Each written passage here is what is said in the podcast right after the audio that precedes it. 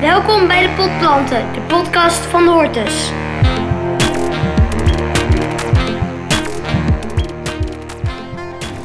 Welkom bij een nieuwe aflevering van Potplanten in de Hortus Amsterdam. Mijn naam is Janja Pubeek en ik sta met Arend Wakker, bioloog en rondleider bij de Hortus. Arend, we staan bij de Grote Eik bij de ingang van een van de oudste botanische tuinen van Nederland. Vertel, waar neem je ons mee naartoe in deze podcast? Nou, we gaan af en toe natuurlijk eh, regelrecht eh, dwars door de hele collectie heen. Maar nu willen we wil ik eigenlijk graag naar een van de hoogtepunten van onze collectie. De oudste buitenplant in onze tuin. Dat is een boom. Hij staat vanaf hier, we staan nou onder die eik vlakbij het ingang, kun je hem al zien. Hij staat er helemaal in het verlengde van het pad langs het grijze gebouw. Hele hoge boom. En het is ook een van de oudste, een van de drie oudste bomen in Amsterdam. Nou, Zullen we er even Arend. naartoe lopen? We gaan er zeker naartoe. Ja. Hey, vertel, je zegt een van de drie oudste bomen van Amsterdam? Ja, er zijn er nog drie die ongeveer even oud zijn. Eh, ze stammen uit 1795. Nou, dat is een behoorlijke leeftijd. Hoe weet je dat, dat het uit die tijd stamt? Ze zijn Nou, eh, dat staat hier al heel lang in de boeken. Eh, het is dus niet helemaal, naar mijn idee, een bewezen datum. Maar omstreeks 1795 moet hij wel al in de tuin gestaan hebben. Ehm, eh, en daarmee is het dus een van de drie oudste bomen van Amsterdam. De andere eh, van die drie, dat is een eik in Artis. Dat is de zogenaamde Heijmanseik. Nou, die heeft veel zekerder papieren eigenlijk om die leeftijd ook inderdaad te hebben. En er is nog een, eh, een moerbeiboom in een privétuin aan de Prins Hendrikkade. Maar eh, onze boomhazelaar, die is dus helemaal van buitenaf te zien. Want hij staat eigenlijk in de hortus tegenover de ingang van het Wertheimplantsoen. Eh, daar staat hij mooi te wezen en uit te kijken op het drukke kruispunt. En de tram die daar langskomt, We lopen Oh. nu ook door de tuin ja, langs de vijver. Helemaal tot Er is wel hoek. wat. Oh, daar gaat een veegwagentje. Langzaam hoop ik dat hij uit het geluid wegschuift. Zo een van de fijne dingen van, van de Hortus. Hè? Dat, dat je in een natuurlijke omgeving bent, maar ook de stad in de verte hoort. Ja, absoluut.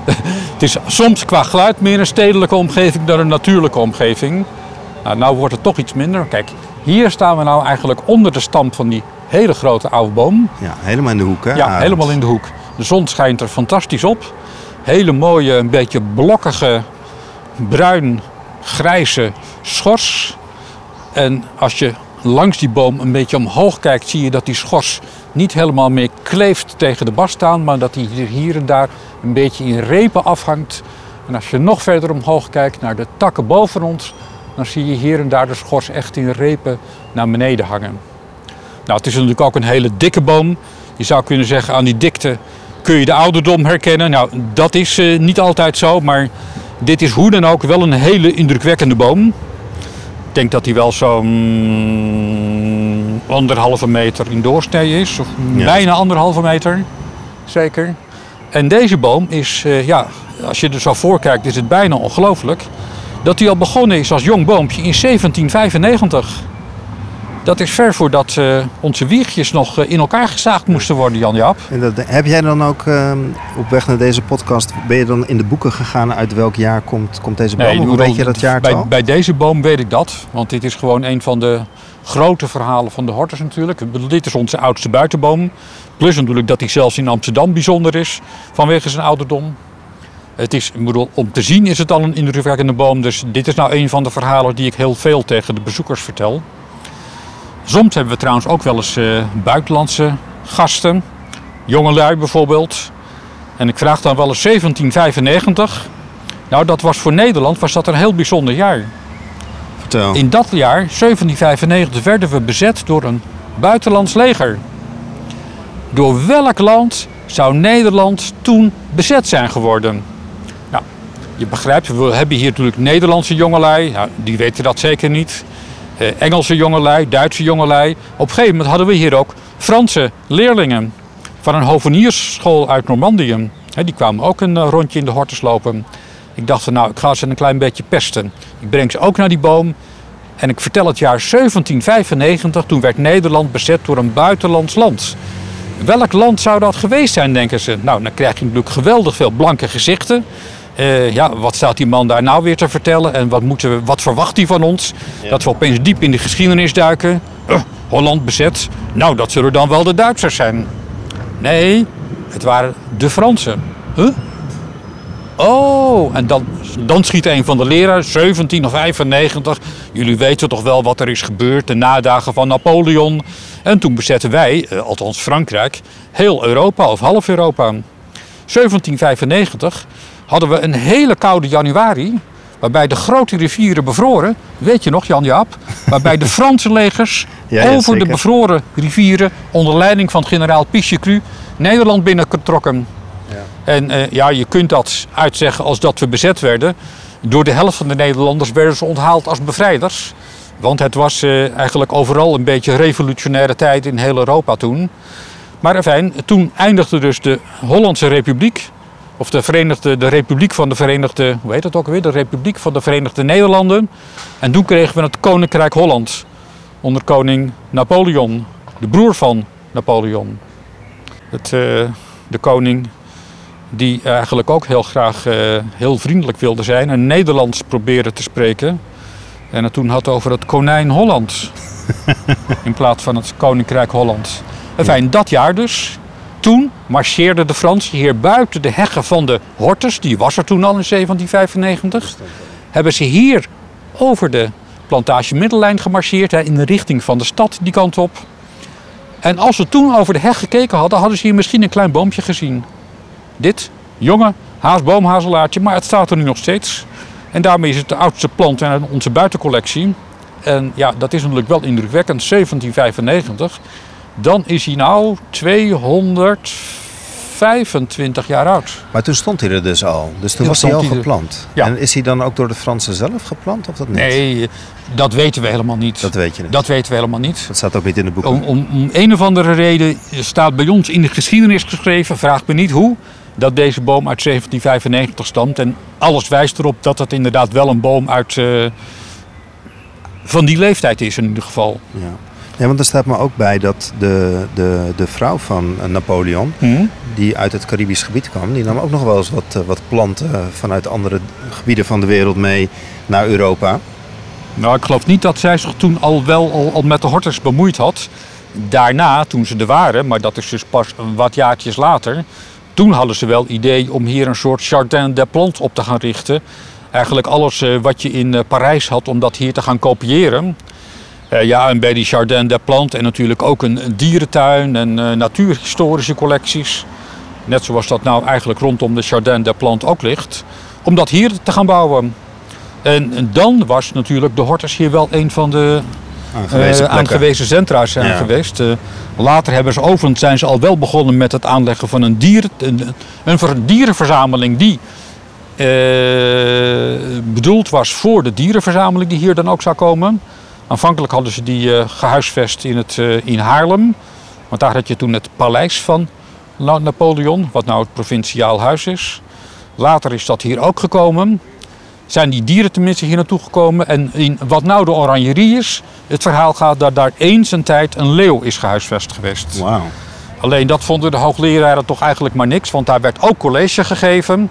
Ja, en de, ik bedoel, college geven naast een beestenhok, dat vonden ze een beetje, de leraren, een beetje be- dubieus en beneden hun stand. Dus toen hebben ze die leeuw opgezet. En nou ja, en heel veel later is de geschiedenis zo veranderd dat de Fransen hier helemaal niets meer te zeggen hadden. En dat we, overigens, als navolging daarvan zijn we natuurlijk wel doorgegaan als koninkrijk. Ja. Maar de, in de vorige podcast kon je schitterend dat vertellen waar planten vandaan komen. Is het ook bekend waar dit boompje vandaan komt? Nou, we noemen hem Turkse hazelaar. Dat geeft al aan dat het geen Nederlandse boom is. Het is een exotische boom dus. En hij komt dus uit Zuidoost-Europa, Turkije en de omringende landen. Het is een hele grote boom. Hij levert ook wel hazelnoten op. Als je goed gaat kijken rondom de boom op de grond, zul je met een beetje geluk... Ja, kijk, hier heb ik er al een. Je hebt een. Ik zie ook Een- veel. eh, dopje van een. Ja, dat, zijn, dat, zijn, dat zijn ieperzaadjes, ja. Dit is een half eh, een dopje van een hazelnoot. En ze zijn verschillend van onze Nederlandse hazelaars. De Nederlandse hazelaars, hè, dat zijn helemaal geen kolossale bomen. Dat zijn meer een soort struikbomen. Maar deze boom, hè, dit is een echte zware boom. Deze maakt kastanjes in bolsters met meerdere hazelnoten bij elkaar. Terwijl de Nederlandse hazelnoot, of zeg maar de, Euro- de Noord-Europese hazelnoot, eh, daar zitten de hazelnoten allemaal apart. En daar kun je ze aan herkennen. Hey Arend, als ik naar de schors kijk, dan zie ik dat daar ook een hele hoop gebeurt. Wat kan je vertellen over de schors van de boom? Ja, die schors. Hè, maar als je je hand erover laat gaan, dan voel je al hoe ribbelig die is. En, eh, ik bedoel, je kan het zelfs eh, zo horen. Nu ga ik met mijn hand over de schors heen. Het lijkt wel of die schors een beetje naar beneden stroomt zo. Als ik zo met die golvingen met mijn vingers volg. Maar als ik nou goed kijk tussen die schors en op die schors, dan zie ik overal kleine gaatjes. Er zitten spinnenwebben tussen. Die schors is hol. Nou, eh, van binnen is hij wel hard, maar hij is in ieder geval hol toch. En die schors is eigenlijk een hele samenleving van allemaal kevertjes, storretjes, spinnetjes, bacteriën. Eh, spinnetjes die kevertjes eten, kevertjes die er overwinteren. Eh, kevertjes waar weer eitjes, die eitjes gaan leggen waar weer jonge kevertjes uitkomen. Kevertjes die geboren worden in de schors of onder de schors. Of in een net droog holletje ergens tussen de schorsplaten. Eh, die kevertjes worden misschien eh, al heel snel weer opgepakt door dat spinnetje. Spinnetje wat hier ook zijn webje spant. En eigenlijk is zo'n schors een hele samenleving van kleine beestjes die in en op die schors leven. Voor die beesten is de, die schors eigenlijk een hele wereld van, van holletjes en ruimtes en klanken en lucht die er langs stroomt. Een grote houten verticale wand waar hun leven zich afspeelt. Heeft het ook nog de bedoeling om de boom te beschermen? Of is het gewoon echt een ecosysteem wat aan de boom gegroeid is nou, de, de schors zelf is inderdaad bescherming voor de boom. In dit geval omdat het zo'n brede schors is met een beetje kurkachtige schors. Dit zou heel goed een bescherming tegen bosbrand kunnen zijn. Bescherming voor de boom dus. Maar ja, die beestjes, dat zijn gewoon opportunisten. Die, kruipen, die zoeken overal holletjes en eh, insecten die willen overwinteren in de herfst.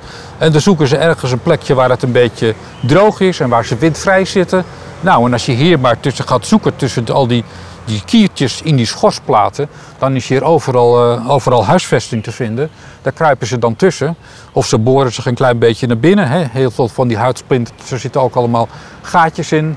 En eh, ja, voor hun is het gewoon een leefgebied. Maar ja, wij, eh, voor de boom, dus voor de boom heeft hij een andere functie dan voor wat voor de boom alleen maar bescherming is.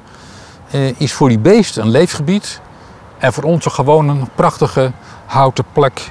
Wat iets toevoegt aan de schoonheid van de boom. Dus dit is een van onze oudste bomen. Eh, je zou je kunnen zeggen, ja, wat is nou het voorland van zo'n hele oude boom? Nou, bij deze speciale boom komt er een beetje een triest einde aan dit eh, glorieuze verhaal. Als ik vertel dat een paar jaar geleden werden aan de voet van deze boom, komend vanuit de wortels, houtzwam en de reuzenzwam gezien. En met name die reuzenzwam, dat is een zwam waar helemaal geen kruid tegen gewassen is. Dat is een killerzwam. Dat betekent dus, zeker vanaf die tijd, maar misschien al eerder, dat die zwam de, het wortelstelsel van die boom heeft aangetast. En dan zijn we natuurlijk, ja, wat is dan het, eh, de geschiedenis van die boom? Eh, Hoe, wat is er voorland? Gaat die volgend jaar omvallen of niet? Nou, die zwammen die hebben we dus drie jaar geleden gezien. De afgelopen twee jaren hebben we geen paddenstoelen meer gezien. Maar een gebruikservaring met die reuzenzwam is dat dat toch een killerzwam is en op den duur dat hij het eigenlijk altijd wint. Alleen omdat we hem dus nu de afgelopen periode niet meer gezien hebben, lijkt het erop alsof in de grond een soort wapenstilstand tot stand is gekomen tussen de schimmel en het wortelstelsel van de boom. Nou, toen we dat wisten van die schimmel aantasten, toen hebben we natuurlijk ook proeven gedaan eh, of die boom niet snel gaat omvallen. Ja, want hij staat er in de rand van de hortus. Ja. Als hij omvalt, kan hij hier zo op het eh, kruispunt hier omheen vallen, hier buiten de hortus vallen. De Nou, dat wil natuurlijk niemand, of op de tram zelfs. Dus we hebben trekproeven gedaan en de boom is aan alle kanten met moderne methoden gescand, via geluidsgolven.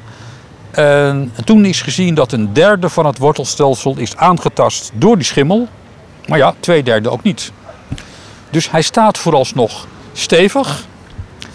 Eh, En wordt we vol- ene- volgen elk voorjaar het uitlopen van de boom. Want daarin kan je zien of er misschien al echt duidelijke sterfte in de, in de wortels optreedt. Maar ja, dat zien we eigenlijk niet. En vooralsnog, hè, je ziet wel wat dode, zie ik nu wat dode punten Punten bij eind. sommige zijtakken. Maar ja, dat is, Nog niet daaraan kun je nog niet zeggen van dat die boom nou echt wat dat betreft aan het sterven is. Hij kan nog heel goed zeker voldoende vocht uit de bodem trekken. Dus eh, vooralsnog is hij schijnbaar vitaal. Ja. Hey, Maar- en dat stuk wortel wat niet eh, wat aangetast is, Ja. hebben jullie dat weggehaald? Of Nee, dat- dat kan je gewoon rustig laten Daar zitten? kunnen we rustig, want anders ga je hem nog meer aantasten. Ja. Het ongelukkige van zo'n schimmelaantasting is dat je er niks tegen kunt doen. Eh, we zijn natuurlijk een tuin vol met natuurobjecten.